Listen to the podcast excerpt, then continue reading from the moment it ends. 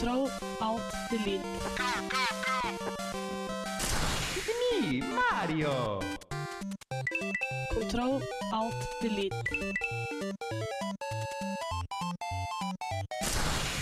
Unable to comply.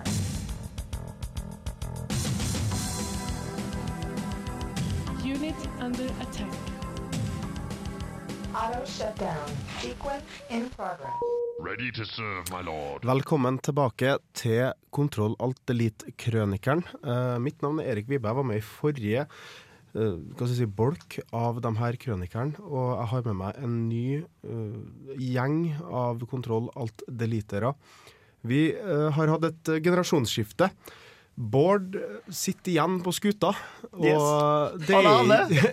Helt alene, så å si. Uh, før vi introduserer alle de her nye stemmene og fjesene, så vil jeg at vi skal avklare litt hva vi fant ut i slutten av forrige episode. Yeah. Eh, jeg har starta et nytt program Og fått unger, ikke minst. og fått unger. Uh, Hallgeir fant ut at han skal tjene kongen, Jep. Eh, sammen med Tor Larsen. Ja, Tor var stakk fra byen, og så fant at- på at han Ja, han, skulle ta jeg tror han var bonde et halvår eller noe sånt. Jeg tror noe sånt, ja. Ja. eh, Mikkel har blitt opptatt, Ja. kan vi si mildt. Han fant ut at tre program var kanskje litt for masse. Mm. Og det betyr da at uh, Bård sitter i mutters alene. Um, jeg dukker vel opp nå og da, Ja. men jeg har ganske mye å gjøre. Uh, og jeg tenkte dette var på en måte en, eh, en god eh, plass å introdusere en som har vært her. Han Ja. har vært der, han har kjørt teknikk, for at ingen av oss lærte oss noe sånt på veldig lenge. Ja, det gikk en god stund før vi begynte med det. Uh, og han har vært med eh, som en del av programmet på både godt og vondt siden starten, i hvert fall når jeg ble tatt opp. Og han er til dels min navnebror, og det der er da selvfølgelig Jens Erik Våler vi prater Halla. om. God dag, god dag. God dag. Eh, du har jo, fram til nå, så har du vært innom Kontroll Elite. Ja, jeg har vel vært sånn eh, hva du kaller det, fast vikar.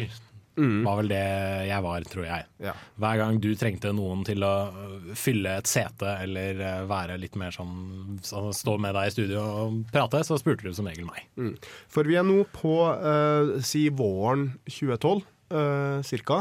Ja, det vi der, har det der vi avslutta sist gang. Postkokk ble starta den nyttårshelga der, mer eller mindre. Og uh, Bård er igjen i programmet. Og vi begynner vel i løpet av det halvåret å finne ut at uh, vi trenger flere folk. Mm. Jens Erik blir mer eller mindre fast inventar i programmet på den tida her. Jeg mener å huske også at Mikkel var relativt aktiv akkurat den våren der. Mm. Eh, men vi mangler fortsatt eh, litt ny, ferskt blod.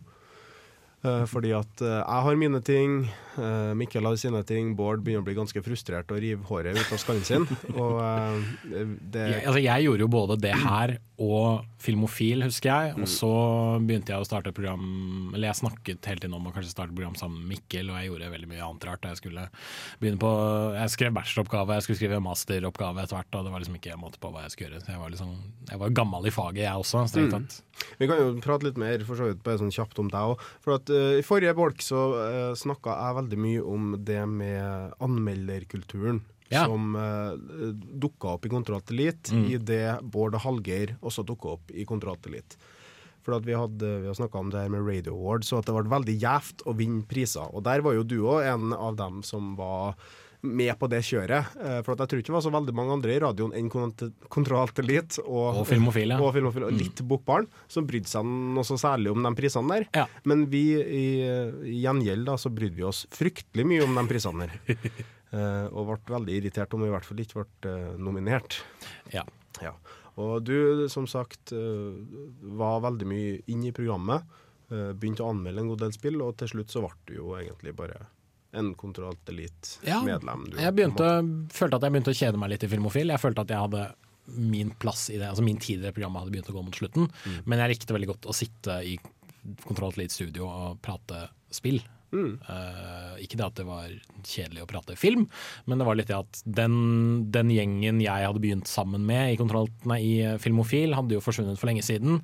Og liksom det programmet jeg hadde blitt en del av og prøvd å videreutvikle, hadde liksom det hadde forandra seg litt, da kanskje glidd litt ut av, av hendene mine. Så da tenkte jeg at nå er det på tide å komme seg videre til noe helt annet. Ja, eh, for at i uh, Bolk 2, eh, som jeg hørte nylig, så snakka eh, Knut da, og gjengen og Erlend Kopre og gjengen om det at eh, Grunnen til at det ble et generasjonsskifte, var mye pga. at uh, Erlend Kobro og Khalid og Are ble en gjeng. Are var fortsatt fortsatt uh, den våren her, forresten.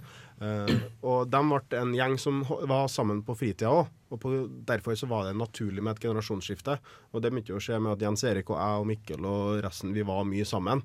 Og nå begynte på en måte den gnisten vi hadde til å lage programmer, den datt av litt. Og Bård eh, sto igjen eh, som Mr. Control Elite, og du er ganske frustrert på dette tidspunktet, eller? Ja, jeg eh, var litt bekymret for hva som skulle bli i framtiden, fordi at liksom alt jeg visste om kontrollateliten bare forsvant.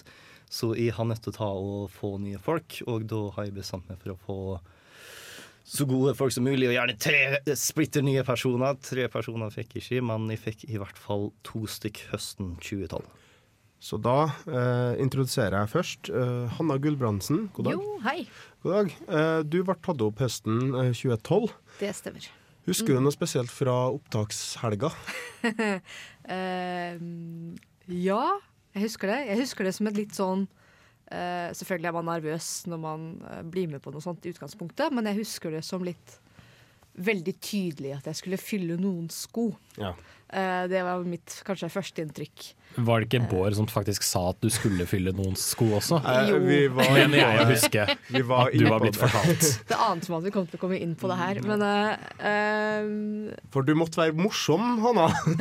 måtte ikke? Jeg hadde vært så morsom på intervjuet, så Ja. det var litt dumt at jeg ikke var like morsom på sendinger. Okay. Det å få den beskjeden der var litt trasig. Vi har snakket om det, og det har gått fint. Ja, Obviously, jeg er her fremdeles. Vi har tatt det, vi Ja. òg. Eh, og eh, sammen med deg kom Sondre Rokvam. God dag. Hei.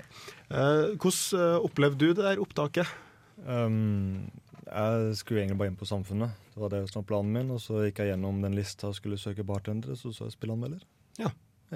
Der var din greie. Ja, jeg tenkte ja, fuck det der gjør jeg. Og Ja. så kom jeg inn, og så husker jeg at vi to satt og snakka om uh, Splinter Cell. eh, ganske- Conviction. Ja, Conviction. Ganske lettere brusa. Okay. Ganske lettere brusa, ja. Jeg husker også at først, aller, aller første gang vi møttes, da vi skulle til å søke kontrollen litt, så satt jeg i lag med Sunny Islam, og du trodde at jeg var den som het Sunny. Ja.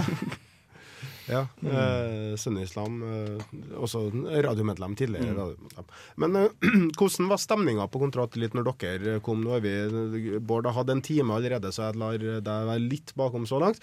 Eh, hva hva, hva oppfatta dere av programmet når dere kom inn i det? Ehm, stående kultur som er litt sånn Du vet når du får nye venner, som allerede er en gjeng, på en måte. Og de har litt sånn internhumor som du ikke helt vet hvordan du skal forholde deg til. Litt sånn. Mm.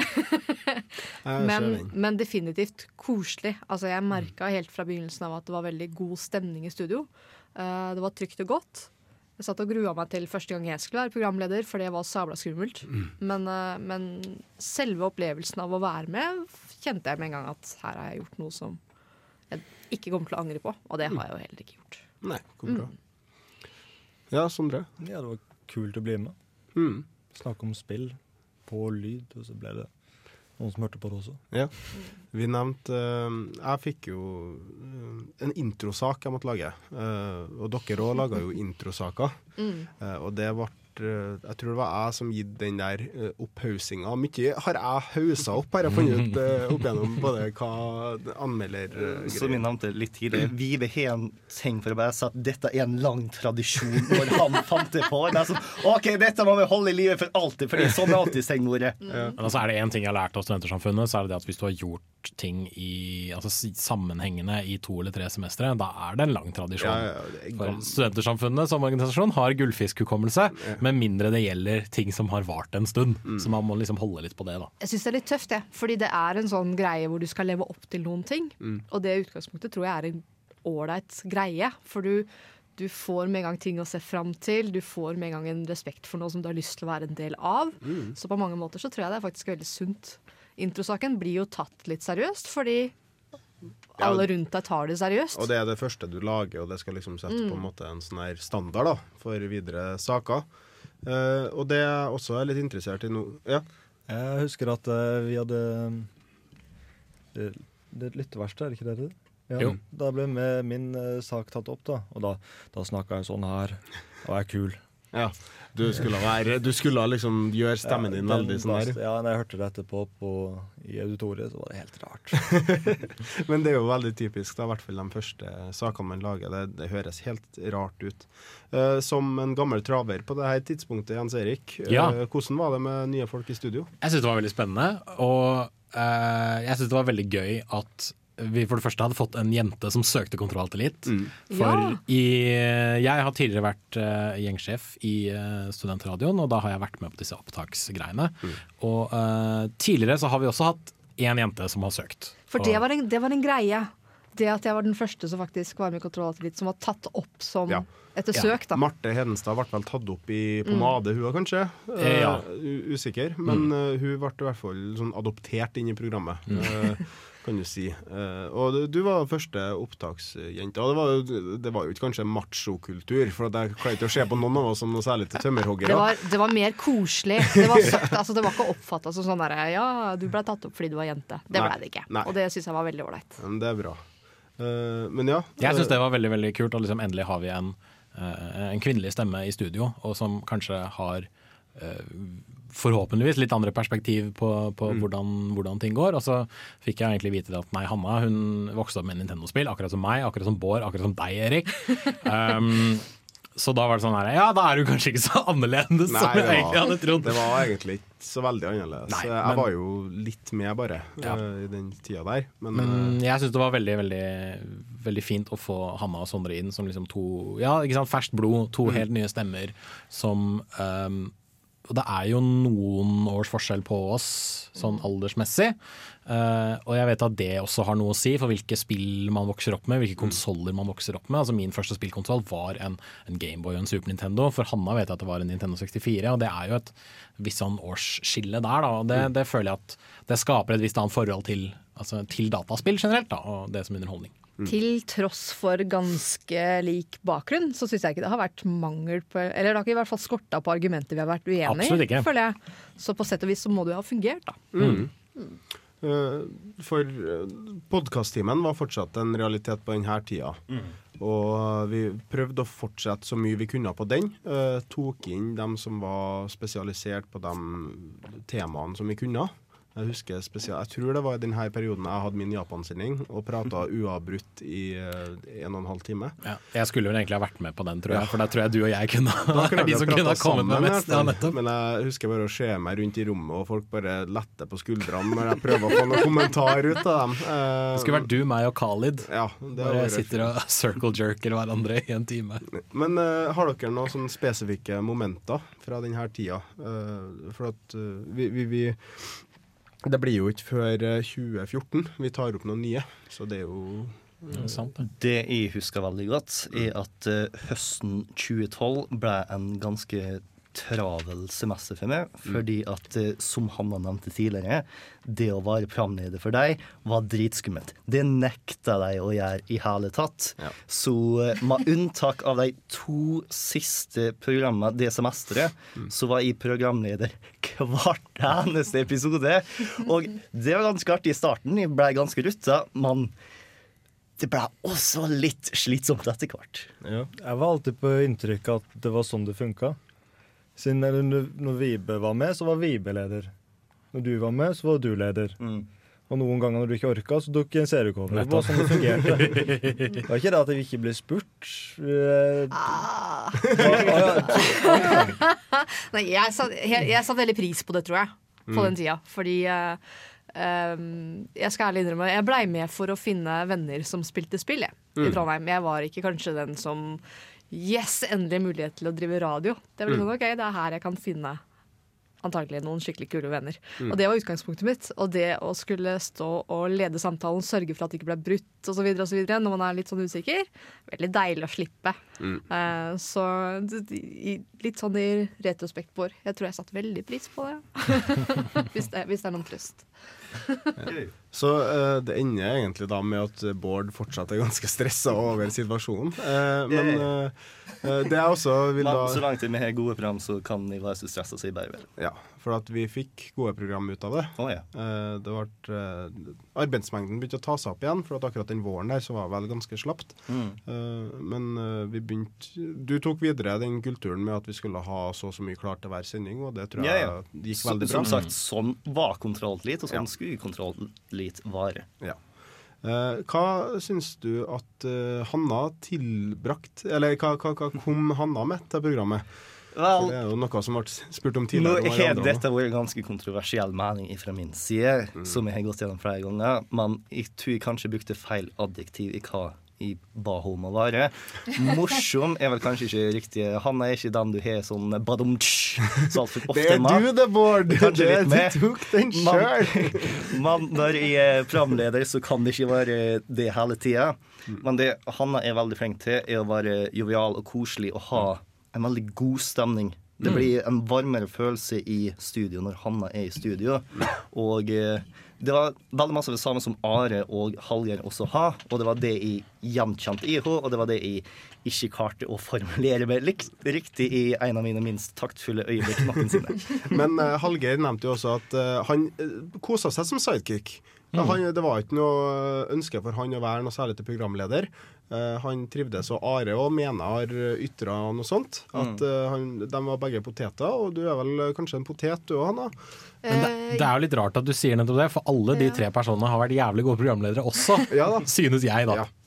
Det er Ja. Altså, etter, jeg blei jo varm i trøya. Altså, Det å være programleder fant jeg teften for etter hvert. Det syntes jeg var moro. I hvert fall når jeg hadde temaer som jeg syntes var veldig veldig spennende. Det synes jeg også, eller kjente jeg det var gøy når jeg kom på noe hver gang som vi kunne prate om. Eh, jeg har hatt noen sånne à la din Japan-sending, jeg òg. Jeg hadde blant annet uh, en sending, husker jeg, hvor vi snakka om um, eh, eh, sånn timerunning, holdt jeg på å si, speedruns. Speedrunning. Speedruns, Av spill. Ja. jeg eh, som jeg dominerte den sendinga ganske greit. Jeg vil påstå at jeg var litt aktiv der også, men det var litt sånn, jeg satt i et hjørne og så satt jeg på laptopen min Du og så en speedrun av Ocarina of Time. Du satt egentlig bare og så på skjermen din. Ja, altså. men på et, tidspunkt, på, et, på et tidspunkt så blir jeg veldig sånn forbløffet over hva han fyren gjør. For han hopper fra Deku Tree og helt fram til siste Altså liksom aller siste konfrontasjonen med Ganondorf. Og da bare bryter jeg inn og Ja. blir helt gal. Sondre på sin side knekker sammen i et, eh, det motsatte hjørnet av studio, holder seg for ørene og roper 'du ødelegger barndommen min', du ødelegger barndommen min.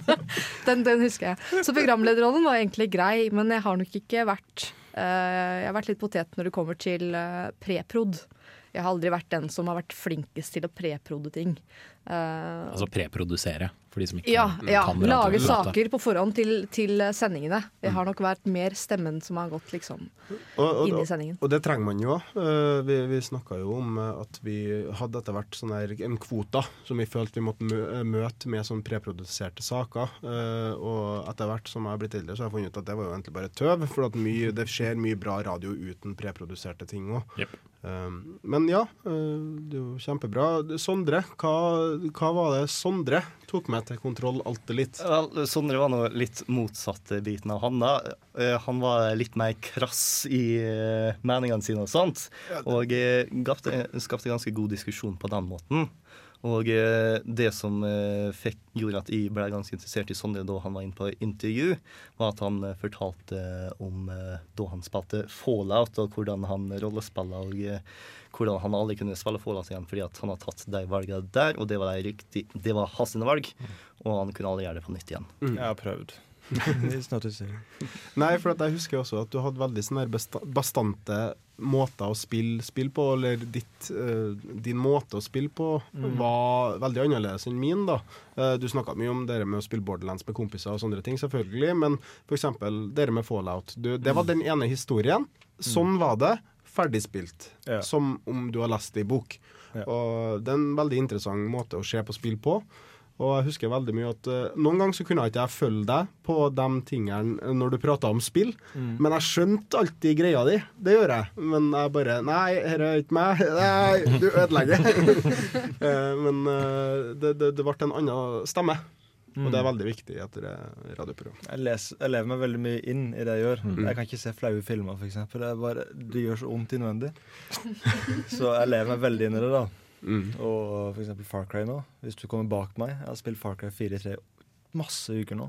Ikke på prikk meg på skuldra. det er helt Nei.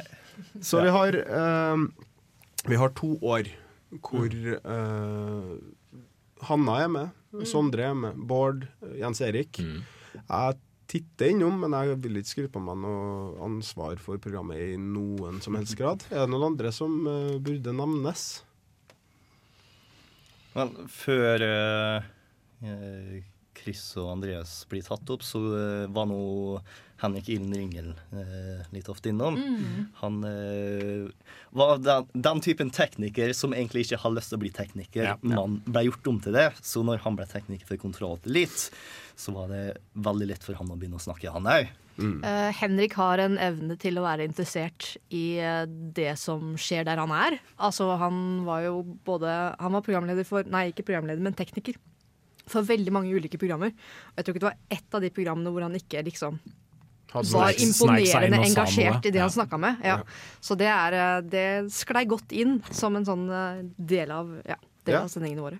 Uh, vi har jo hatt teknikere som har vært involvert i programmene før. Jeg vet at Knut og de nevnte uh, Lars Kine Ekerhol og flere andre. Ja, Eh, det, det var nå nesten alle sammen i tidlig Kontroll litt Mm. var teknikere. ja. Tor Larsen, Tor Larsen Sekse. Absolutt. ja. Sverre Magnus Mørk laga en sak om Mario en gang i tida. Den var litt spesiell, men det var fortsatt en sak om Mario. Men Jeg vet ikke hvordan det var før, men altså når jeg ble tatt opp, så hadde vi en tekniker i studio ved siden av. Ja. Det var uh, hovedsakelig en person som ikke var med på sendingene, men det var han som styrte musikken og stikkene og, og var det tekniske, rett og slett. Men på et eller annet tidspunkt der så hadde vi et skifte hvor tekniker kom inn i studio.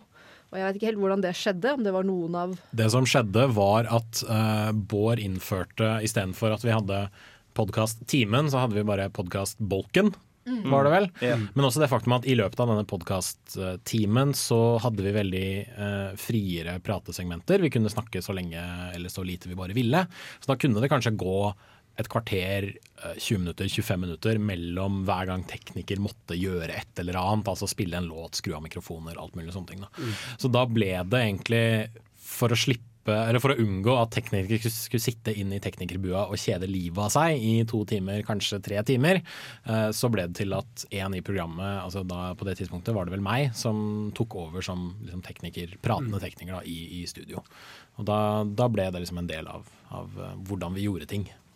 Jeg snakker om at vi ikke tok opp noen medlemmer på den tiden der. Eh, Det stemmer vel, men på et eller annet tidspunkt så ble også Jens Erik eh, del av programmet, og ikke bare altså litt mer offisielt. Jeg vet ikke om det var så tydelig for lytterne, men hvor du ble med på heltid. Hvor Ja, det- jeg vil det- vel Altså, jeg tror det var at jeg var med altså, heltid fra og med da dere ble tatt opp, tror jeg.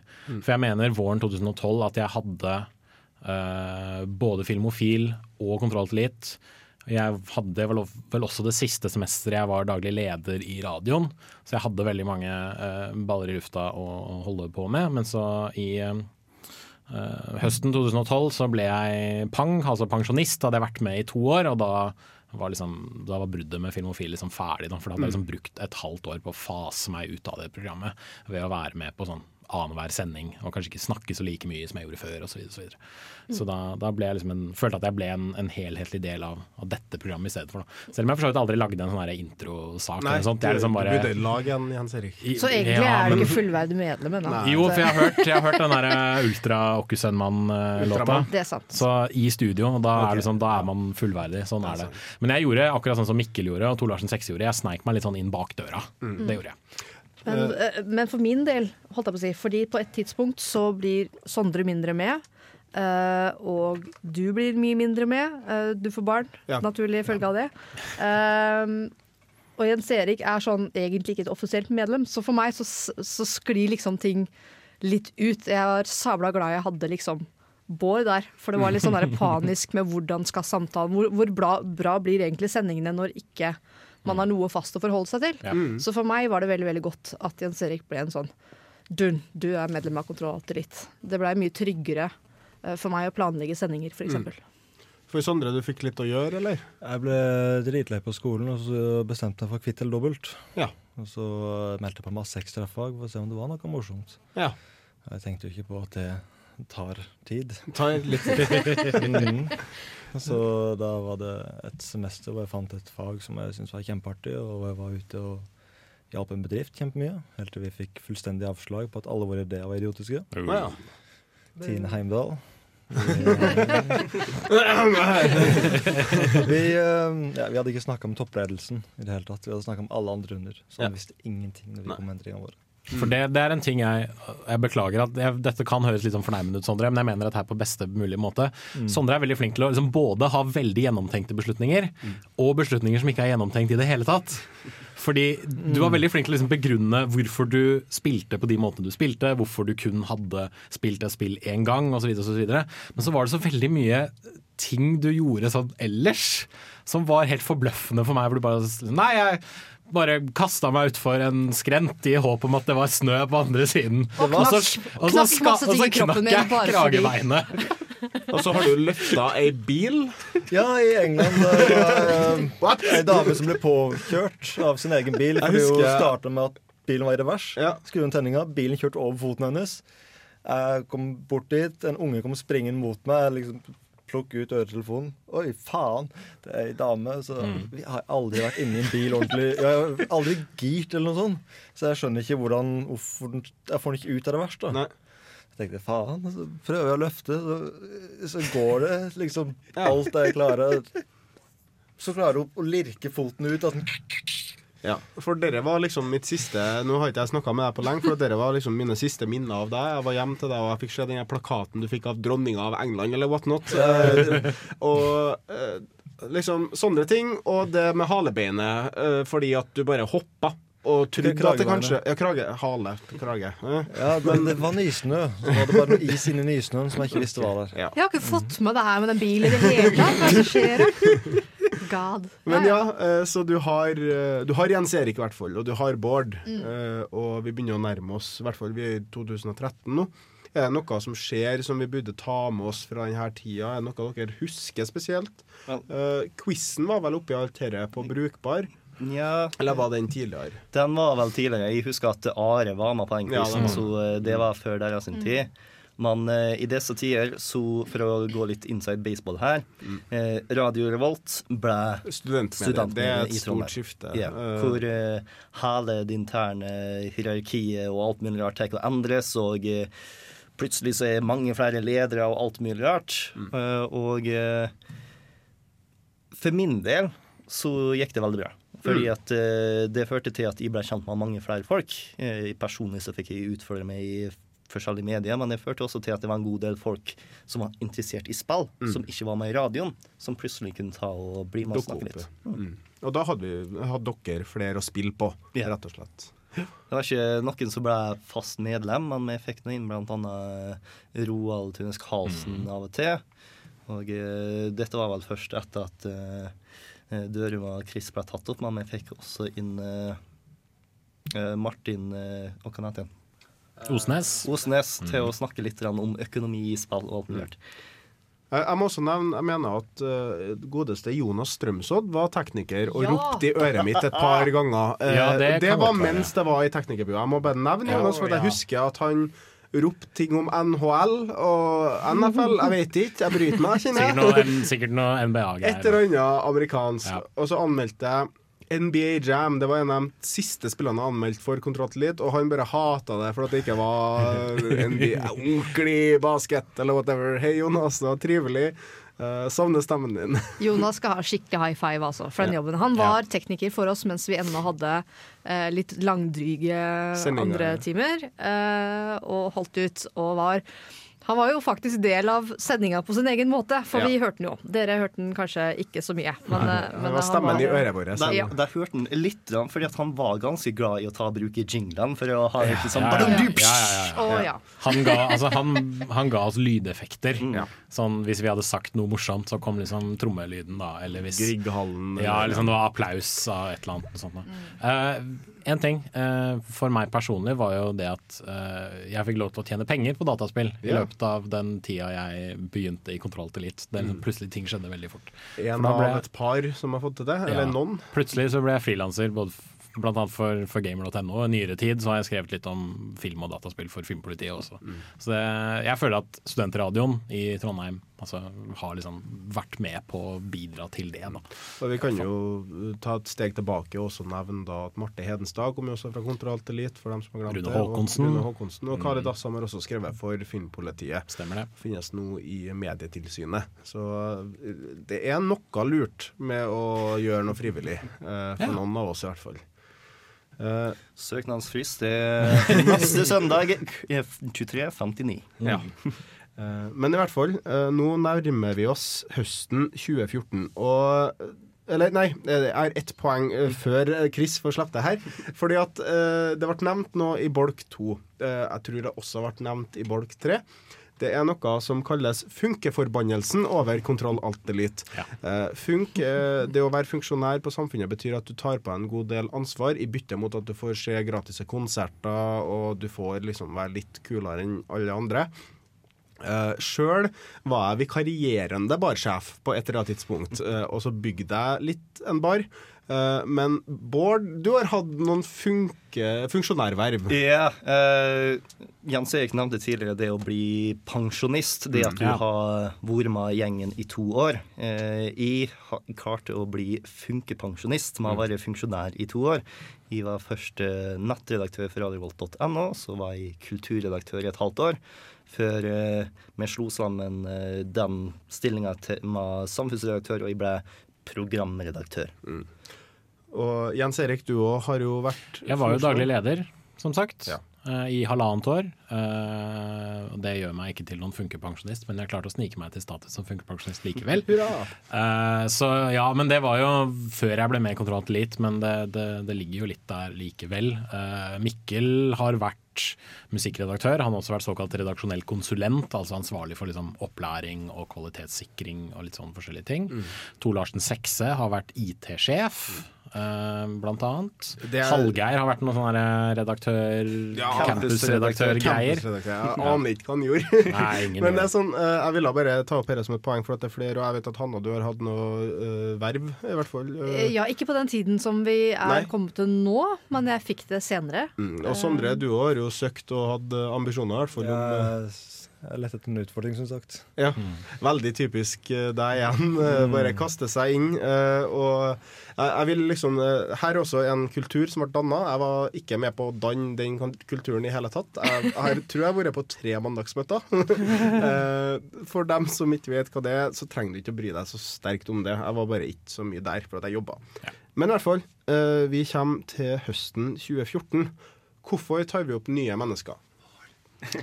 Eh, ja. Sondre, Sondre gir seg jo, blant annet. Ja, jeg fant Eller du trapper ned, i hvert fall. Ja, jeg prøver å Ja, jeg prøver å ta syvfag. Ja. Mm, mm. Det gikk. Det gikk. det var Jeg klarte ikke å nå på sida av det, da. Mm. Eh, Det skal også nevnes at både jeg og Jens Erik begynner å tenke at vi skal ta og forlate Trondheim. Eh, og ja, stemmer! Å, Ja, gud bedre! Og så eh, skal vi ta Det eh, noen nye folk til å erstatte oss. Og så, når vi kommer så langt, så bare sånn Vet du hva, vi kan ta åpne emner på Dragvoll og vare i Trondheim ja. et år til. Hvorfor ikke? Så eh, dere ble ikke kvitt oss så lett. Vår, våren 14 skrev jeg masteroppgave og var egentlig ganske sikker på at jeg skulle dra. Og så ble det litt sånn forskjellige ting. eh, At eh, kjæresten min utsatte sin egen masteroppgave, og jeg fant ut at hei, jeg har jo fortsatt mange gode venner i Trondheim. Hvorfor ikke bli her en stund til? Legg merke til nøkkelordet i det Bård sa. Det var at «Åhå, vi kan bli her et år til. Eh, og det var et halvannet år siden nå. Ja. Så, men det kommer. Det, kommer. de Det, var en cliffhanger. De fær på et eller annet tidspunkt. Men våren, ja. eh, 2014. eh, Og nå er jeg blind. Nå er jeg, jeg finnes ikke på Kontroll Elite noe lenger. Jeg har bæsjebleie opp til halsen. Jeg aner ikke hva som skjer. Jeg vet at det blir tatt opp to mennesker. Jeg hilser på dem en fuktig kveld, tror jeg. Men utover det så har jeg ingenting med Kontroll Elite å gjøre. Eh, Så nå eh, må jeg eh, i hvert fall ha litt veiledning. For der kommer du inn, Chris. Hallo, Monsen. Chris Monsen, god dag. Eh, nok en trønder. Ja. Eh, en av tre, tror jeg, eller fire. Nei, Torstein Hø, fire. En av fire trøndere som har faktisk rasert eh, kontroll litt. Hvordan var opptaket Um, jo, eh, det som det hele starta med, var jo at liksom, året, det semesteret før så hadde jeg egentlig søkt som DJ til klubbstyret. Da okay. var jeg ny i byen. Da hadde jeg tatt og kutta håret skikkelig kort sjøl. Og hadde tatt og kjøpt seg billige Kåss-headset og gått inn på Inti og bare sånn yo. eh, Det gikk veldig dårlig. Okay. Uh, Så semesteret etterpå var jeg sånn Nei, orker ikke å søke Samfunnet. Det var teit. Så hadde de rejecta meg. Oh, og så hadde jeg en en eh, venn i studiet som jeg gikk på, uh, kybernetikk, som hadde blitt min uoffisielle fadder, da, som tok med på masse, masse ting. Da. Det er jo Øyvind som jobber i uillustrert vitenskap. Og en gang som var sånn Hei, du skal gå til Samfunnet. Jeg var sånn OK, da. Og så gikk jeg på Samfunnet, og så ble jeg plutselig sånn Ja, har du tenkt å søke radioen? Jeg bare Nei, men jo, kanskje. Og så plutselig så begynte han å huke tak i mange folk fra radioen. Og Hanna møtte jeg mm. på Edgar, kafeen til Samfunnet. Og så plutselig ble jeg dratt opp til hyblene, og så ble jeg hooka opp med Bård, og så ble jeg hooka opp Nei, kan, Nei, jeg traff ikke deg før, før opptakshelga. Ja, kanskje. Ja, sant det. Mm, Vi, vi hadde, jeg hadde egentlig mitt lille egne intervju jeg, med deg den kvelden, husker jeg. Jeg spurte deg i hvert fall ut som om du skulle vært på intervju. Jeg var kanskje litt sånn påtrengende. Uh, alt med beste mening, selvfølgelig. Men ja. Så det gikk fra å være liksom en sånn casual fredags- eller lørdagskveld til sånn måtte prove meg sjøl til uh, altså, sånn, Ja, hva slags spill liker du? Og da er sånn Oi, shit, nå spør jeg meg ut. Ah! Men Jeg tror faktisk på et tidspunkt Ma for Mille her nå ba Kristoffer om å ta anmelde et av de nyere spillene han har spilt. Ja. han gjorde det! For eh, ja, dere er egentlig kjent eh, stil eh, fra Kjent radioen. Mm. Ja, og veldig kjent også. Hvis vi finner noen som er interessant, så har vi lyst til at de skal være interessante sammen med oss. Eh, og er Kjempeartig. Og Andreas Dørum, som dessverre ikke kunne være her. Ja, han har blitt gjengsjef, så han har gått under funkeforbannelsen, han altså. Ja, eh, Det var derfor jeg tenkte å ta med den videre. For Chris, du har vel noe ansvar? Ja, det stemmer. I fjor så var jeg nestredaktør for Underholdning, men det var ikke så mye, så mye arbeid. Men nå har jeg blitt radioredaktør, og det er litt mer arbeid. Men uh, det, det er gøy. Uh, og ja, opptaket. Det å bli medlem av Ja. Kontrollt Elite. Hvordan var det? Du kan være litt snakk for Andreas. men, Nei, eh, jeg husker veldig godt i begynnelsen, for da var det en ting som jeg la veldig mye arbeid i, var introsaken min. Og det var liksom Jeg husker så godt. Ikke bare én, men to. Ja, for jeg var ikke fornøyd med første, for den sa du, Jens Erik, at den, den var OK. Nei, jeg sa at den var bra. Nei, ja, også, men pass på å ikke legge lista for høyt, syns jeg du sa. Nei, nei, nei. Nei, nei, nei, nei, nei, nei, nei, Nei, nei, nei, nå skal du høre. Ja, ok. Ung, unge mann. Jeg er, eh, Jeg er 20 år, blir snart 27. Så, Nå ble du 20 eldre. Eh, det jeg, fordi jeg gikk litt, sn- sneik litt rundt i uh, database-filsystemet vårt, og så så jeg oi shit, Chris er ferdig med, med introsaken sin allerede nå. Herregud, det var kjempetidlig. Jeg er radio, radio Volt-person. Jeg er vant med å være ferdig med ting sånn en halvtime før det skal på lufta. Eh, så jeg hører litt på den da, og tenker ja, faen heller, det her var kjempebra. Ikke sant? Han liksom slenger på lydeffekter, er veldig flink til å liksom snakke seg gjennom spillhistorikken sin. Da. Og så sitter Chris ute på gangen utafor studio og sitter og holder på med et eller annet, og så sier jeg til Chris at du, den der introsaken din, den var veldig, veldig god. Nå har du lagt lista høyt for liksom senere, senere arbeid, var vel det jeg sa. Det var ikke det at jeg advarte deg om å legge lista for høyt. Jeg sa nå har du lagt lista høyt, for dette her er veldig bra, sa jeg. til Chris sitt forsvar så er det nesten det samme. Jo da, men det var ikke en advarsel. Det var heller sånn at dette her er bra, og du kan gjøre mye bedre, og jeg vet at du kan gjøre mye bedre også. Og det har du for så vidt gjort i ettertid. Det som var et greia, at jeg la jo til sammen veldig mye arbeid. Og jeg husker jo veldig den første store greia som jeg og andre Skulle prøve oss på, var jo når det var den Twitch Place Pokémon-sendinga. For da, det var jo veldig svært. Men nå har vi ikke kommet til det poenget med historien. Poenget Nei. med historien var jo at du fikk panikk da jeg sa Ja, ja, nå har du lagt lista veldig høyt.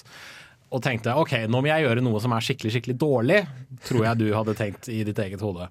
Og så ender du egentlig opp med å lage noe som er enda bedre.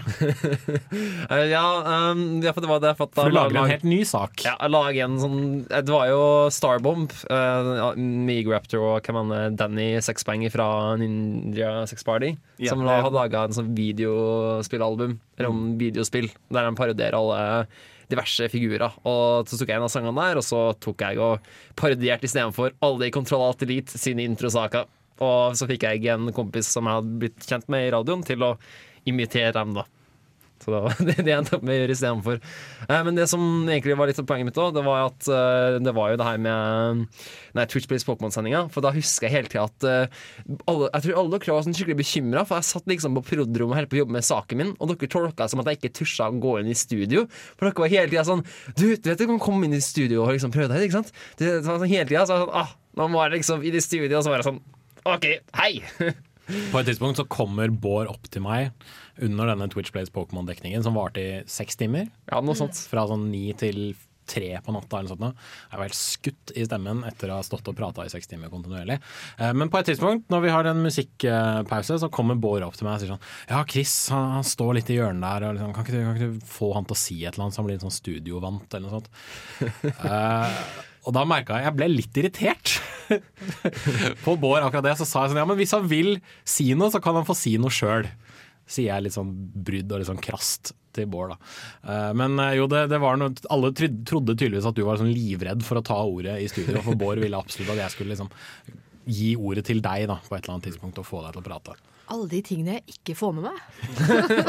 Dette syns jeg er litt artig, for at eh, det spiller nok en gang litt på sånne roller i studio. Uh, og jeg vil ha, uh, ha fram Sondre igjen, du har blitt litt stille. For at, uh, vi hadde jo, Du hadde et sånn visjon om roller, Bård, yeah. når du tok opp. Og Teenage det, Mutant Ninja Turtles. ja.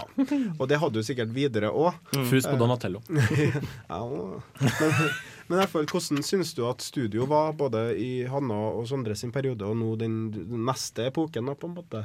Vel, det ble litt annerledes. Eh, hvis vi skal gå i eh, Nina Turtles, så ble nå i Leonardo siden jeg var programleder konstant. Og eh, Hanna ble Michelangelo, og eh, Sondre ble Rafael. Eh, og så eh, kommer jeg fram til eh, den moderne generasjonen. Og på det tidspunktet så begynner jeg å bare slippe tøylene litt mer. Ja. Eh, fordi at eh, jeg har holdt tøylene veldig hardt, og eh, allerede har tenkt at snart så tar jeg for lett bryn, så da tenker jeg at det er bedre å la folk få gjøre sitt. Men fremdeles så ser jeg eh, verden i Matrix-kode, og ser fremdeles Rafaella, Michelangelo og Donatello bare vandre rundt i studio. For grunnen til at jeg spør ja. ja. Jeg, vil jo si sånn i ett, altså, Siden du sier 'slippe tøylene' og sånt, altså, du blir jo mer og mer Master Splinter enn du blir en Leonardo. Selv om du for så vidt Du har liksom Du samler oss sammen og liksom prøver å liksom få oss til å gjøre ting. Men den som på en måte tar over lederansvaret, og som blir liksom stressa når folk ikke svarer på sendingsmailer, og sånt, det er jo Chris. Alle, jeg, jeg, synes- jeg skjønner ikke den Teenage Mutant Ninja Turtles-referansen, jeg har ikke sett det. Men uh, Før min tid! Men uh... Nei, vet du hva, det er det faktisk ikke, fordi den er nå tre animasjonsserier av Teenage Mutant Ninja Turtles. Ja, men nok om det.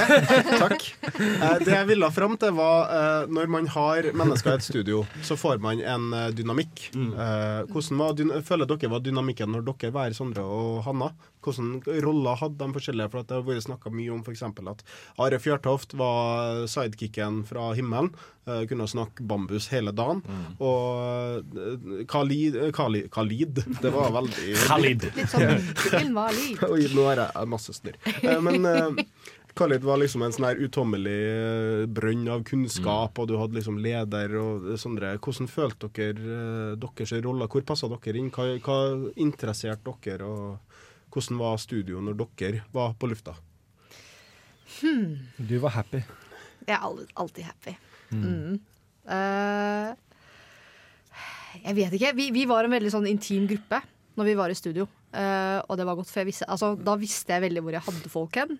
Det var nesten, nesten som en oppskrift. Jeg kunne gjette når folk kom til å komme med innvendinger, eller, eller, eh, eller kom til å være uenig. Men jeg er veldig sånn For meg så er det ikke roller man skal fylle. Nei, nei. Uh, for meg så er det veldig sånn uh, variert, og at folk på en måte bringer noe av seg sjøl. Det er veldig mange som kan stå og prate i en evighet og egentlig aldri vise noe personlighet, men jeg syns bestandig at uh, programmet vårt har hatt veldig mye personlighet i seg. At folk gir av seg sjøl. Og det er nok litt av grunnen til at jeg er igjen også. Men det var veldig annerledes. Eh, med min første epoke, med Sondre og Bård og Jens Erik og deg. Eh, hvor jeg følte at når Chris og uh, Andreas ble tatt opp, så ble jeg litt mer voksen. Eller da var det litt sånn Wow, jeg skal være med på et opptak, liksom. Jeg er ikke ny lenger. Eh, tok opp Team Newbie. Som Dantara, eh, Og det ble, det ble noe helt annet. Jeg kjente at jeg slappa mer av. Fordi jeg følte at vi manglet, da mangla vi plutselig en person. Og dynamikken ble ikke så god lenger. Uh, og jeg vet ikke helt åssen jeg skal sette fingeren på hvordan det ble annerledes, men det ble i hvert fall noe helt annet. da. Det var skikkelig dårlig svar. Nei, Eller? men det, vi kommer da fram til det. Det er det som er målet. Uh, har Hadde du noen innvendinger? Nei, ehm, jeg husker deg som syvende far. Ja. Det, ja. Hver, generasjon, hver generasjon har en syvende far. Jeg tror Jens Erik tok over den posten. Ja, altså jeg, jeg tror jeg ble en sånn blanding av deg, Khalid og Bård sånn når jeg begynte å komme fastere inn i studio. Fordi du og jeg har spilt spill sånn cirka like lenge. Du er et par år eldre enn meg. Jeg har litt den der indie-interessen som jeg vet Bård har veldig interesse av. Og jeg føler at jeg også har litt av den kunnskapen som Khalid har. Ikke like mye, men jeg liksom kan trekke fra liksom, lignende erfaring og kilder og sånt. da. Jeg følte at jeg hadde et helt annet innfall til spill enn det mye dere har. Jeg, jeg likte andres typer spill også. Jeg, ja, jeg hadde også PlayStation Nei, jeg hadde Nintendo 64 det, som første spillkonsoll. Eller jeg hadde jo Gameboy før den tid. Og, men etter det så gikk jeg over til Xbox og skytespillene. Og så gikk jeg videre til eh, alt som egentlig var voldelig og vanskelig. Nei, for at jeg tror kanskje planen var litt at du skulle ha blitt nye Hallgeir uh, på et eller annet tidspunkt. eh, fordi at uh, spillinteressen stemte sånn passe. Og jeg bare tenkte ja, nei, han må Her har Bård hatt en plan, tenkte jeg, husker jeg. Bare for å summere hvorfor jeg er så interessert i forskjellige roller. Det er ikke fordi at vi må være Ninja Turtles. Det er fordi at Kontroll Alt Elite blir ikke et spennende program dersom vi kun har Michelangelo eller kun Leonardo. Vi trenger litt av hvert, sånn at folk jevner seg ut og trekker det beste ut av hverandre, i stedet for at vi har veldig mange Kali-damer, veldig masse peilinger, veldig mange Aria som snakker kun bambus. Nei, Are snakker kun bambus. Nei, jeg. Men, eh, men men- altså, han var veldig flink til å fylle tid med uh, bra prat, i forhold til andre som bare sier ja, nei eh, Ja, i hvert fall. Og Ninja Turtles funker, så hvorfor Ja. endre noe som fungerer? Og, Forstår det ikke! men Power ja, Rangers, da, hjelper det? Nei! Faen. Chris, eh, Team Newbie, du Ja. og Andreas. Hva, hva, hva, hvordan var programmet? Hva hadde du inntrykk av? Du har snakka om opptakshelga, du fikk møte samtlige. Eh, du skjønte kanskje at det var en kultur i programmet. Jeg mener også du etterligna meg i den introsaken din. eh, om bare noe trøndersk babbel. Så hva var, hva var Hvordan var det å være i Kontroll til litt? Um, nei, En ting som merka veldig kontrollt litt ganske fort, var uh, Jeg var i hvert fall ganske gira på Jeg merka at veldig mange har vært med veldig mye lenger i radioen. Og det var veldig sånn uh, Å, dette studentmediegreiene. Alt var bedre før, da jeg var ny, så bla, bla, bla. Og så tenkte jeg sånn, jeg syns det var drittkult det, at man hadde liksom tilgang til sånn kjempedyrt studio, tilgang til kjempedyrt videoutstyr og kjempedyrt alt, og tilgang til så mye kompetanse. Så jeg bare gikk jo liksom all over the place. Liksom, Jeg studerte ikke et halvår, for jeg liksom var- hadde lyst til å lære meg så mye som mulig. da. Eh, som førte litt sånn etter at jeg jobba ganske hardt med anmeldelse en stund, lekte veldig mye, eller prøvde å le leke iallfall med media, og så plutselig så begynte jeg å interessere meg for video, lekte litt sånn smålig med videoreportasjer, før jeg til slutt bestemte meg at fuck it, vi bygger et studio, og så bygger vi et, så bygger vi et studio. Ja. Mm. Uh, for det her er jo litt interessant, for at du nevnte det med at uh, man hadde litt motstand på studentmediene, som det nå heter nå. Og jeg var nok i den campen. Uh, det var da jeg begynte å avslutte. Og vi begynte å få hytteturer med andre folk. Og nei, ja, de var rare. Eh, Dere syns vi ikke noe om, så da trekker jeg meg mer og mer. eh, fra greia, og eh, det, Da syns jeg det er veldig interessant at du kommer som et par Altså uten noen fordommer eller noe sånt, og bare tar, tar det innover deg. eh, og det, vil ha med alt sammen til programmet. Fordi at det er vel det som event, eh, etter hvert skjer. At uh, Kontroll eh, blir større, på en måte. Jeg har et lite innspill her, fordi uh, jeg tror For det første, det som jeg syns er litt morsomt med Kontroll Elite, og som er et poeng, er at vi har på en måte samla oss rundt spillhobby. Altså Vi er alle veldig veldig interessert i spill. Og det er jo morsomt at vi som en gjeng har blitt veldig sammensveisa og godt kjent med hverandre fordi vi deler noe av det som betraktes som kanskje en usosial greie i utgangspunktet. Det syns jeg er faktisk helt fantastisk. Eh, jeg synes Det andre som jeg syns er gøy, er oss. Uh, hvordan vi har blitt i stude- studentmediene. Uh, vi har faktisk blitt litt som forbilde for veldig mange. fordi vi gjør en veldig bra jobb med produktet vårt, og vi har en stolthet i det. Og vi har holdt sammen veldig, veldig godt. Men for det andre så har vi på en måte hatt hverandre, men vi har vært veldig flinke til å inkludere oss sjøl i en sånn stor stor masse med mennesker. Det tror jeg alle har gjort en egen innsats for, så vi kjenner jo veldig veldig mange. Men det er alltid kontroll til elite som har vært basen vår. Da.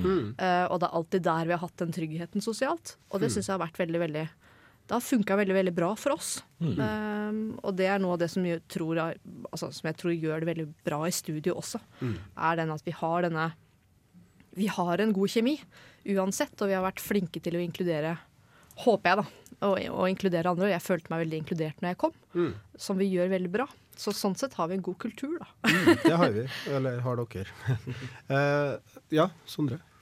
Ja, um, det med å bli um Da jeg kom tilbake til Tromsø og fortalte noen av kompisene mine at uh, det finnes sånne spillegreier på Universitetet i Trondheim, så var det noen i Tromsø som begynte å ta et program der, Hurra, hurra, Hurradio. Hurradio. Mm. Og vri Ja, noen kompiser av meg starta med akkurat det samme som vi drev på med her. Mm. ja, stille. Ja. Og det var artig. Eh, men jeg tok også en ting jeg kom til å tenke på når du sa at du trakk deg litt ut aktiv Mm. Jeg begynte jo å jobbe mye mer med skole da. Og jeg følte at det var så mye som endra seg også i studentmediene, at det, det ble bare rart. Mm. Det, ja, jeg kunne, jeg kunne investert tid i det, men jeg ville ikke investere tid i det. Hvis du ikke trodde på det, på en måte. Nei, jeg gjorde ikke helt det, da. Så var jo koselig å komme innom her. Mm. Men det ble også sjeldnere og sjeldnere. Mm. Onsdag er tydeligvis en ganske sentral dag. Ja, det er visst midt i uka, har jeg hørt. Men jeg føler at vi har hatt en litt sånn fordel uh, i, det, altså i den der sammenslåinga og overgangen fra liksom, Radio Volt under rusken bla, bla, bla, til liksom, studentmediene i Trondheim, med at Kontroll har liksom bestått som det samme, selv om liksom, ja, vi forandrer oss for hver gang vi får inn nye folk og alt mulig sånne ting. Men programmet er jo der fortsatt. Programmet er fortsatt fire-fem stykker som samles i et radiostudio og prater om dataspill og prater om det de er lidenskapelig opptatt av. Og det er kjempe, kjempebra, tror jeg. Og det kan liksom være en sånn det, Som Hanna sa, da, det har vi liksom hatt som sånn samlepunkt, rett og slett. Altså tror jeg også at det egentlig kontroll alltid tenker på på nytt egentlig å bli en del av studentmediene. For at jeg har hørt liksom noen, noen, noen har nevnt det Reed-prosjektet at ja, ja, vi har snakka om det før, men det har liksom aldri blitt en greie. da. Mm. Når jeg snakka med sønnen min en gang, så har det liksom virket som det kanskje har vært det. Men muligheten er jo mye større nå, da. Nå som det liksom er åpen aksept for bare å gå ned og låne videoutstyr av uh, SNTV og bruke deres studiolokale, liksom. Så det er Ja, absolutt. Ja. Eh, og nå har vi snakka veldig mye om personene i Kontrollatelitt, uh. Eh, og før vi går videre til framtidige planer, så vil jeg gjerne at vi skal pra prate om spaltene i Kontrolltelit. litt. Vi burde kanskje snakke litt om Døremau. Ja, ja, Andreas. eh, Doktor Dørum. Eh, Andreas, jeg har som sagt eh, Jeg ble helt blind når eh, Chris og Andreas kom. Jeg har hilsa på dere begge to kanskje fire ganger. Eh, Snakk om og ølbrygginger nå. ja, jeg snakker ikke om noe annet. Det er jo bæsjebleie. Eh, så hva, hva Andreas, Ja. hva er hans rolle, og hva er Ja, Jens Erik? Andreas er den som, føler jeg i hvert fall, er den som legger veldig mye tanke i alt som ligger i spillet. Han tenker veldig mye gjennom hva en spillhistorie prøver å representere. Hvilke ideer, hvilke ideologier, eh, temaer som presenteres både gjennom liksom spilling og gjennom eh, spillhistorien. Og jeg føler at han er kanskje en av de første siden Khalid som har lagt veldig mye, veldig mye tanke og veldig mye sånn analyseverktøy da, i det greiene der. Og han er veldig sånn eh, Han er liksom veldig metodisk når det kommer til akkurat det, og føler jeg da, i motsetning til resten av som er sånn Jo da, dette var moro. Bra, bra gameplay. Og liksom alt mulig sånne ting. Liksom, han, han spiller Watchdogs og syns det er dritt at Watchdogs ikke tar for seg overvåkningssamfunnet og liksom stiller spørsmål ved overvåkningssamfunnet og sånne ting. Det, det føler jeg Andreas bringer til dette her. Da. Det er en litt mer sånn akademisk måte å tenker på alt sammen. Ja. Uh, og Chris, hva, hva, hva, hva gir du programmet? Uh, nei, nå blir det vanskelig. Um, Det er kanskje de andre andre som kan svare på det. Jens Erik, du kan Han, svare på det. han er lillebroren jeg aldri har hatt, som jeg okay. kan mobbe. Ja. Nei! Nei! Har Slutt! Juks!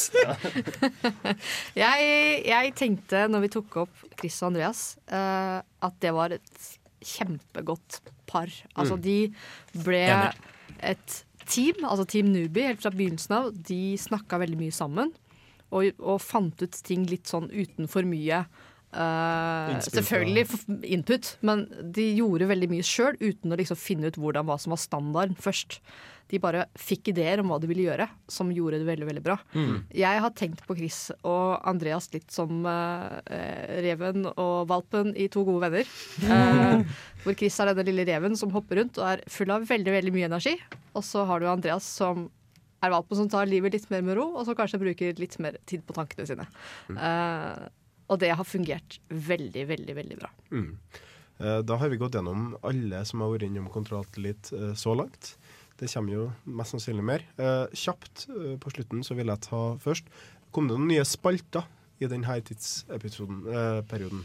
Jeg mener at Hanna, du hadde laga en. Jeg lagde en, eh, samtidig som jeg bare fylte tiden min med veldig mange ting som gjorde at jeg ikke fikk tid til å følge den opp skikkelig. Jeg lagde rom lommerusk på et tidspunkt. eh, som jeg sitter fortsatt og tenker på at det er en spalte som jeg tror jeg kunne ha gjort veldig, veldig bra. Det er en veldig god, Um, god idé. Ja, uh, men Og det er som? Ja, det er mobilspill. Altså et spill som ikke har, nødvendigvis har så mye tid, eller Mm. så mye å si om at det kan fylle en hel anmeldelse, men Mm. en mer som et sånt mellom to pratesesjoner som eh, er et lite avbrekk. Mm. De var vel tanken på ja, skulle vare omtrent en tre-fire minutter. Ja. Um, jeg lagde gjennom Bloons, blant annet, og noe mer har sluppet til. Andre har også laga noe. Mm. Um, men ja, så på samme tid så ble jeg funksjonær, uh, jeg også. Ja. Uh, da ble jeg bitt av funksjonærbasillen og ble personalsjef. Mm. Uh, så det gikk ikke helt dit hen som jeg hadde tenkt. da. Vi begynte også å få random encounter i denne Ja. epoken her, hvor det var stort sett bare morsomme fakta som jeg klarte å presse inn på. eh, Jeg lurer på om jeg òg laga en eller to. Det er ikke usannsynlig, og Ja. eh, det var Stort sett Hvis vi bare har lyst til å snakke om noe litt grann, og gjøre det på en litt morsom måte, så var det en random encounter. Eh, Det kunne være alt fra Nintendo Itis til sexy spill til første snikespill til Jeg alt tror mulig. jeg laga en om Final Fantasy, eh, og hvorfor ikke Final Fantasy. Eller så skulle jeg laga, jeg husker ikke. Eh, men eh, på de siste minuttene her, hvor skal Kontroll Elite nå? Chris, du må begynne. spør du meg? Ok, ja, Nei, som sagt, jeg har nest, jeg faktisk å legge siste strøk på maling på studio. Sånn at ganske snart så begynner vi egentlig å lage Let's Play-videoer liksom, på sida. Iallfall dem som har tid. Og prøve kanskje å få til litt sånn reportasje og sånn også. Veldig lyst til å dra til The Gathering for første gang og få til eh, noe videoreportasje og litt radioanmeldelse der. Og ja, jeg tenker at jeg prøver iallfall å være veldig pådriver for video, da, mens andre holder på litt mer med radio. Egentlig det. Bård? Eh, I løpet av denne epoken her så har vi gått veldig fra det å ha én til to anmeldelser i uka til mindre. Eh, vi har blitt veldig gode på å ha temasendingene. Det har vi blitt veldig rutt på. Og eh, det kommer jeg ikke til å gå bort ifra, men vi har store planer om å ta opp et par anmeldere til neste semester, som har får mer av det igjen. Mm. Um, jeg har en litt sånn rar situasjon, siden etter uh, 26. januar så har jeg bare tre fag ut semesteret. Oi. Så jeg vet ikke hva jeg skal fylle tida med. Og jeg har vurdert å sjekke ut første videogreia deres, og så kanskje en eller annen episode igjen. Jeg vet ikke. Ja, men det har vært kjempetrivelig, det, antar jeg. Altså, vet ikke om vi har snakka om formatskifte ennå? Nei, Vi har vel egentlig ikke det. Vi har nevnt det. Det har blitt nevnt på Facebook. Hva, hva er det som skjer? For dette er jo jeg selvfølgelig raging imot, men eh, oi, det får nå bare oi. være Nei, jeg tuller. Jeg er gammel. Var det, ikke du, Erik Vibe, som på et tidspunkt ville at vi skulle bytte navn?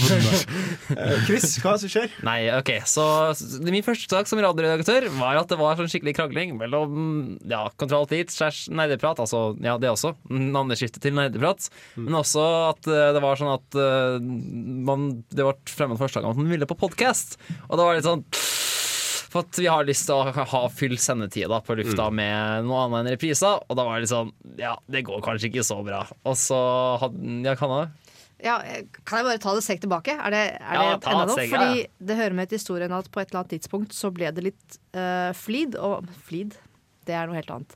Det ble strid om hvem som skulle ha, som skulle ha studio på, Ja, ja. på sendetidspunktet som vi eh, ønsket å ha det på. Mm. Eh, det ble litt dobbeltbookinger, og litt sånn tilfeldig så begynte vi rett og slett å prate sammen, og så kom det fram at alle hadde egentlig eh, ideer om hva slags format vi skulle ha, og det kanskje ikke samsvarte med sånn som vi hadde hatt det så langt. Vi var veldig fan av ideen om å ha en podkast istedenfor. Um, så det var egentlig en, en litt sånn tilfeldighet der og da. Og så kom det et helt ras med ideer og forslag, og folk ble veldig, veldig gira. Mm. Uh, så vi ble veldig, veldig fort sikre på at det var noe som vi kanskje hadde lyst til. Mm. Um, men så innebærer jo det da at det passer ikke nødvendigvis inn med radioformatet. Ja, og så ble det veldig mye krangling, da. ikke sant? Og så, nei, det ble en del For at jeg var ikke helt radioredaktør ennå. Eh, sånn at eh, Tine, eller forrige redaktøren, Tine Finder, hun er veldig flink, eh, var jo veldig skeptisk til det her. For at vi ville jo fylle sendetida med så mye ja, Plutselig på Radio Revolt så mye som mulig med nytt materiale. Og det var egentlig litt jeg for, og det var alle andre funksjonærene for. Så selv om liksom om satt i funkestolen, så hadde, eller i redaktørstolen, så hadde jeg ikke liksom kunnet bare pushe gjennom det alene. Det måtte liksom være enighet med det. Kort fortalt, det vi ba om var eh, to til tre timer å ta opp en podkast Ja. midt på dagen når andre helst skulle ha livesendinger. Ja. Og det var litt sånn eh, egoistisk gjort av oss. Sånn, Så da ja, var folk var sånn Og så var jeg sånn Men vent nå litt, kan vi ikke bare liksom leke litt med radioformatet på radio? Og så blir det istedenfor noe at man har så mange stikk man vil, ikke en tradisjonelle tre minutter per radiostikk-greie, og så setter man inn spillmusikk om man føler for det. Og så prøver vi det da, i to timer. Og se om det går. Så dealen er vel at vi skal se hvordan det går i en liksom prøveperiode, og se om det det er noe fint. som kan passe fint. Jens Erik sees the future. Og se om dette er noe fint. som fungerer når vi skal over Mm, på DAB. på DAB. Dun, dun, Det dun. skal Det blir spennende. Nei, øh, og der er Kontroll Elite anno 2015. Uh, jeg syns det har vært kjempeartig. Og øh, vi lukker vel boka for herre gangen, gjør vi ikke det? Scribe board. Ja, nå er- lukker vi boka på Kontroll Elite, og så åpner vi boka på eh, Nerdeprat. Og begynner å skrive et par nye kapittel der. Mm, blir veldig spennende å følge med. Og så eh, Vi har avslutta Kvenste krønikeren så langt med en låt som vi har tatt og brukt i uh, åpningsintroen vår. Og eh, de har vi brukt opp på tre forrige, så derfor så tenker vi å bruke et annet stykke med musikk som er ganske viktig for kontrollen litt. Og dette er også en tradisjon som var masse nyere enn det jeg forventa. Den er vel litt eldre enn du, Vibe. Ja, jeg Man- tror den dukka opp faktisk på internettet i Ja. utgangspunktet. Og så, eh, og så bare sa jeg ja, nytt medlem, vi spiller Okusenmann. Eh, og det var vel eh, til meg det ble gjort eh, først. Veldig artig. Eh, japansk eh, Egentlig en sang om en japansk Hva heter de? Eh, Otaku? Nei, ikke otaku. Nei, nei, nei. nei. Okusenmann er en sånn der robot, svær yeah. mekkarobot à uh, la liksom Godzilla og alle dem der. En dårlig mann i en sånn der styrofoam-by som får og tramper på ting. Men låten eh, Det handler om Okusenmann, en gutt som vil være Okusenmann, men den er satt til Megaman 2-musikk, om ikke jeg tar helt feil. Og den har jo blitt en staple av Kontroll til Elite uh, ever since, takk. Kalle det Sam. Så hver gang vi har et nytt medlem, så blir de spilt inn som medlem med å høre Okkesenmann. Okusenmann.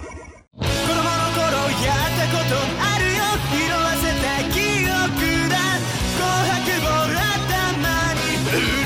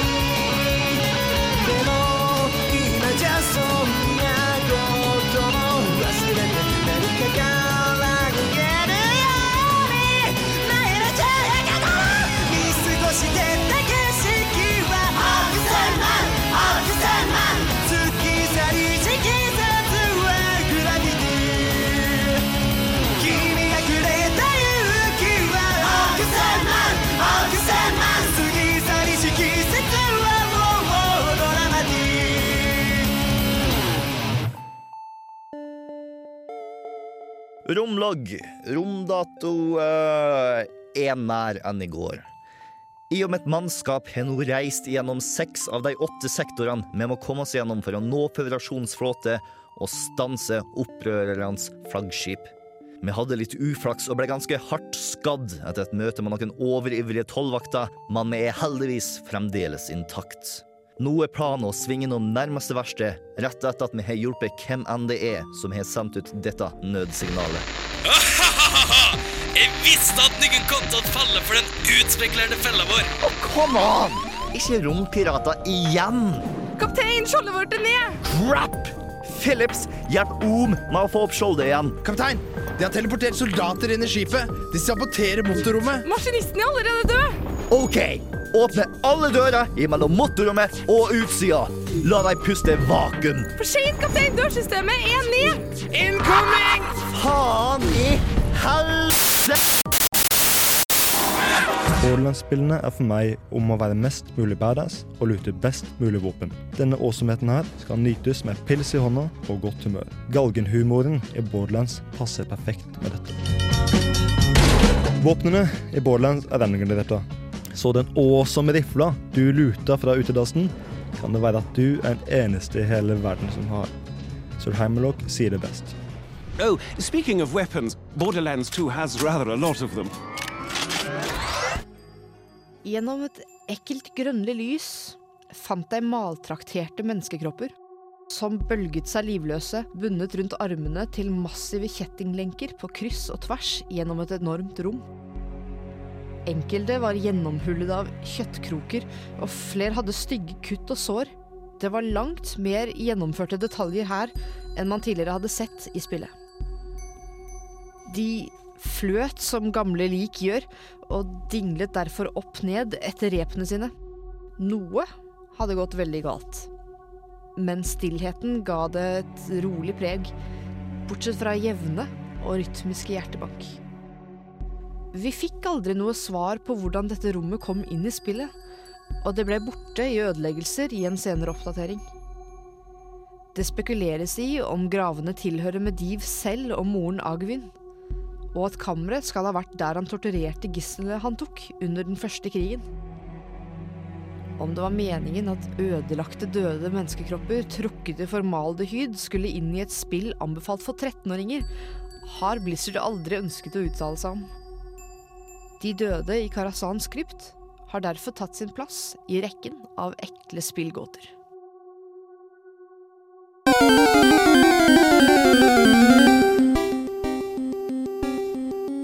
Visste du at Metal Gear til MSX2 i 1987 ikke var det første snikespillet?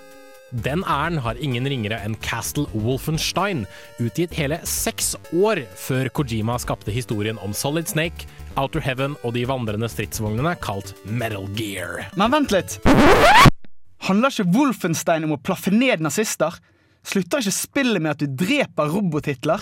Du tenker nok på skytespillet Wolfenstein 3D, utviklet av id Software i 1992. Castle Wolfenstein er det første spillet i Wolfenstein-serien, og hadde et større fokus på sniking og unnvikelse enn senere spill med samme navn. I Castle Wolfenstein skal du flykte fra et gammelt tysk slott med stjålne krigsplaner.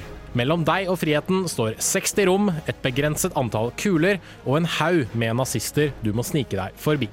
Retningsløs løping fra rom til rom vil gjøre vaktene oppmerksomme på din tilstedeværelse, så her gjelder taktikk og rolig framgang framfor en kjapp avtrekkerfinger. Ikke dårlig å kunne etablere en hel gameplay-sjanger med ett spill utviklet til en Apple-maskin.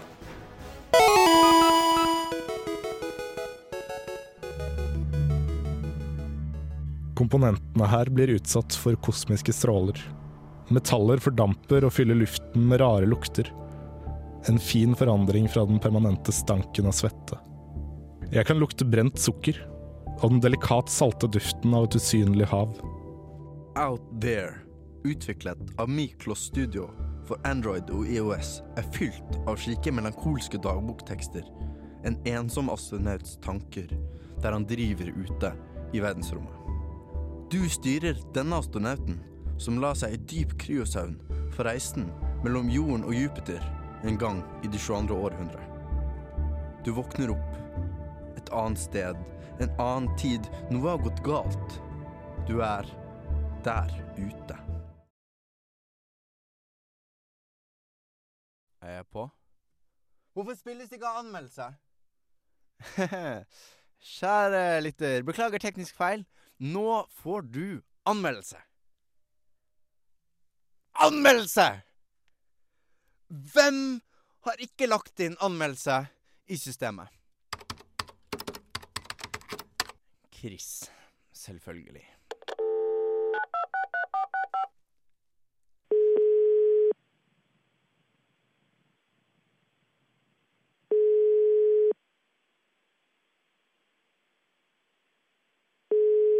Hei, Chris. Eh, Du, jeg vet du er skikkelig opptatt med studier. Borderlands en pre-sequel! Men, men du skulle anmelde det spillet til i dag. Mhm. Mhm. Om du ikke kommer dit med én gang, så melder jeg deg ut av Team Funky. Uh, hallo? Chris? Hallo? Hei, Borderlands er pre-sequel! Det er kult! Kjøp det! OK, ha det! Hei, hei, hei, hei, hei. Skikkelig, skikkelig anmeldelse. Greit.